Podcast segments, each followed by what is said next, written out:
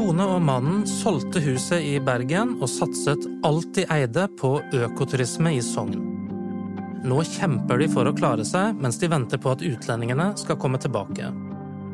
Men det er noen turister de absolutt ikke savner. Det er mange som vil tilbake til normalen, men jeg vil ikke tilbake til normalen. Jeg vil til en ny normal.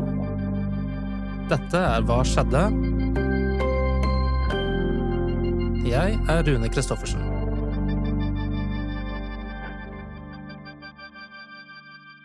Ja, jeg heter Tone Renning Vike, og jeg har vært journalist i 20 år. Og i 2012 så røska jeg opp mann og tre barn, bestemor og bestefar, og bosatte oss i Aureland. Pandemien er i ferd med å ebbe ut i Norge. Fire av ti bergensere har fått vaksine. Sykehusene har gått tilbake til normal drift, og folk har begynt å gå på konserter og brannkamper igjen. Men alt er ikke som før. Reiselivsnæringen sliter fortsatt tungt. De første cruiseskipene kommer tidligst til høsten. Og inntil videre så er det innreiseforbud for utenlandske turister. Noen overnattingssteder klarer seg bra, fordi flere nordmenn ferierer i hjemlandet. Men for hoteller som er avhengige av utlendinger, så går det mot en ny, tung sommer. Blant dem er Aurland 292. Det er et lite hotell med ti rom som drives av Tone Rønning Vike og mannen Bjørn. Nå føler jeg at det befinner seg i en sånn limbo, og jeg angrer nesten på at jeg åpna i år. Fordi jeg er redd for at vi går i tap i år òg, da. Gården ligger midt i indrefileten av verdensarvområdet. På den ene siden så har du fjorden med stupbratte fjell og grønne marker. På den andre siden Aurlandsdalen, med fossefall og gamle støler. Hotelldrømmen begynte med at journalisten Tone skrev en artikkel om forurensningen av fjordene. Hun hadde allerede lekt med tanken om å flytte fra byen og leve mer i naturen. Men da hun gjorde research om hvordan det egentlig sto til med naturperlene, så fikk hun seg en vekker. I Flom gikk kloakken rett ut i fjorden. Det var utslipp av kvikksølv fra industrien, og villfisken var truet. Jeg ble ganske sjokka da jeg oppdaga i hvor elendig forfatning eh, fjordene egentlig var i. Vi startet i Flåm. Der, det, der lå litt smoggen over bygda fra cruisebåtene. Eh, Dypvannsfisken som du ikke kunne spise pga. tungmetaller. Før pandemien brøt ut, var kommunen en velsmurt turistmaskin. Én million togpassasjerer og 250 000 cruiseturister kom til Flom hvert år. De fleste reiser kjapt inn og kjapt ut. Mange forlater aldri skipet mens det ligger til kai. Hvor mye penger de legger igjen, er høyst usikkert. Men studier viser at cruisepassasjerer er de minst lønnsomme av alle turister.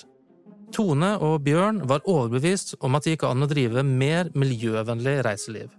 De overtok gården, som hadde vært i Bjørns familie så lenge de kunne huske. Så begynte arbeidet med å stable hotellet på beina. Litt av poenget med økoturismen er at ting skal skje sakte. Derfor krever Tone og Bjørn minimum to overnattinger for at folk skal få tid til å finne roen. Lokal og økologisk mat. Vi ror, vi padler, vi går på ski. Vi fluefisker, sykler og går. Og så tar vi med oss gjestene våre på besøk til lokale støler. sånn at de får smake Gründerlivet er hardt. 70% gir seg i løpet av fem år. Tone og Bjørn hadde akkurat kommet seg gjennom de første vanskelige årene. Arbeidet ga resultater, inntektene vokste, og de fikk gjester fra hele verden, særlig amerikanere. 2020 var året da de skulle komme seg ovenpå og skaffe seg en økonomisk buffer. Så traff pandemien dem som en slegge. Fryktelig frustrerende og, og hadde bare lyst til å redde det synkende skipet jeg var på. Det røy jo ut eh, fem millioner bare sånn mellom hendene på oss. Så har det jo jobba dine opptil 17 timer i døgnet i ganske mange år. Ja, jeg kjente liksom et skrev i magen. Det her eh, ble tøft. Ekteparet hadde satset alt. De investerte 16 millioner kroner i hotellet. Det var penger de aldri ville få tilbake. De måtte lykkes, men nå raste det inn med avbestillinger. Og da sa ungene litt sånn, eh, litt sånn forhåpningsfullt Å, kan vi flytte tilbake til Bergen da, mamma og pappa, hvis vi går konkurs? Eh, nei, det blir kanskje en toroms på Dale. Tone og Bjørn kastet seg rundt for å få norske gjester. For å få ting til å gå rundt må de selge guidede turer. For mange utenlandske turister er det enormt eksotisk å bli med på en rotur på fjorden, eller å drikke vann rett fra en bekk. Men det er det ikke så lett å få nordmenn til å betale for. De tenker at de kan oppleve naturen selv. I fjor gikk hotellet med solid underskudd, og det går ikke ett år til, forteller Tone. Nei, sånn Ordet konkurs er jo på en måte noe som til og med åtteåringen har fått innover seg. Vi har jo tatt opp lån for å unngå det, da. Og vi er jo ganske sikre på at det retter seg opp om et år. Vi må liksom bare komme oss gjennom denne grunna. Selv om familien er hardt rammet av turisttørken, er Tone glad for at kommunen får en pause fra cruisetrafikken. Eh, det er mange som vil tilbake til normalen, men jeg vil ikke tilbake til normalen. Jeg vil til en ny normal. Og man er nødt til å tenke grønt og langsiktig, og man må nå de Paris-målene eh, hvis man skal klare å ha en klode å overlevere våre eh, barn. Jeg forstår f.eks. For ikke hvorfor uh, man setter seg imot det at uh, verdensarvfjorden her skal være en nullutslippsfjord fra 2026. Jeg tenker at Det er bare å slå seg på brystet og være kjempestolt over at vi er en nullutslippsfjord. Hun mener de store cruiseskipene kunne ankret opp ytterst ute i fjorden, og så kunne det gått små elektriske båter inn til bygdene. Da hadde turistene blitt spredd mer utover. Og Tone er ikke den eneste som engasjerer seg i cruiseforurensningen. Nylig traff hun og Bjørn kongeparet som besøkte Flom på sin første rundreise etter at pandemien brøt ut. Da klagde til og med dronning Sonja over røyken fra cruiseskipene, fra en gang hun var på tur i Geiranger. Du går faktisk i eksos, sa hun. Jeg har jo jagd folk som har telta på innmarka vår. Så vi merker jo de siste årene at eh, det var en enorm trøkk i området her. Og 60% av spurte turister i, på Vestlandet i 2019 opplevde området som overturistifisert.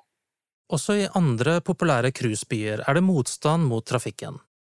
I Venezia demonstrerte nettopp flere hundre mennesker på land og i båter da det første cruiseskipet seilte inn etter pandemien. I Barcelona har motstanden vært enorm i mange år.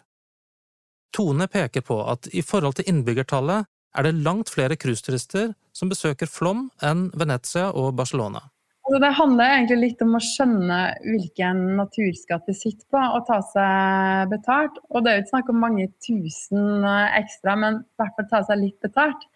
Jeg skjønner ikke hvorfor vi skal sitte her langs jordene og være en sånn småkårsbefolkning. Stå der med lua i hånda og bukke og nikke for de som kommer inn. Det er vi som sitter på gullet. Stortinget har bestemt at cruiseskipene må bli utslippsfrie innen 2026 hvis de fortsatt skal få lov til å seile i verdensarvområdet. Det betyr at skipene må gå på strøm eller hydrogen når de seiler inn i fjordene. Cruisenæringen har kalt kravet helt urealistisk. Fremskrittspartiet og Senterpartiet er enige, og mener fristen må utsettes til 2030. Altså, vannet vi har her, Tenk deg folk i California og Sør-Afrika som resirkulerer dovannet sitt. Eh, som må legge om plenene sine fordi eh, de har ikke lov til å vanne plenene, det blir ørken. Og så bare oppleve vannet som spruter ut fra fjellene her. Altså, det er jo våre hvite blodårer. Vi sitter på noe som det vil, vil kjempe store kriger over i framtida. Og vi er så heldige at vi bor midt oppi det her. Det er det mange som har lyst til å oppleve. Inntil videre klarer Tone og familien seg økonomisk takket være et kriselån fra staten og annen offentlig støtte. Men selv om det siste året har vært tungt, er hun overbevist om at pandemien vil være positiv for dem på lang sikt. Jeg tror at det her har vært en sånn tiltrengt uh dytt i rumpe og rygg for å få oss i riktig retning. Sjøl om på en måte lommeboka mi er revna og angsten er følbar. Ja. Men når du, når du, kjenner litt på den angsten, hva slags tanker er det du har da? Nei, altså Det er jo at uh, du skal sitte igjen med den toromsen på Dale, da. Ja. ja. Det, er det, det er det som er plan B.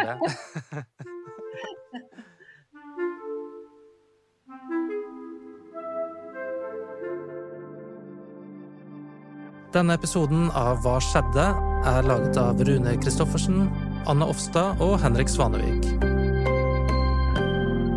Abonner gjerne på oss eh, der du hører på podkast hvis du liker det du hører. Og tips oss på hva skjedde at btno.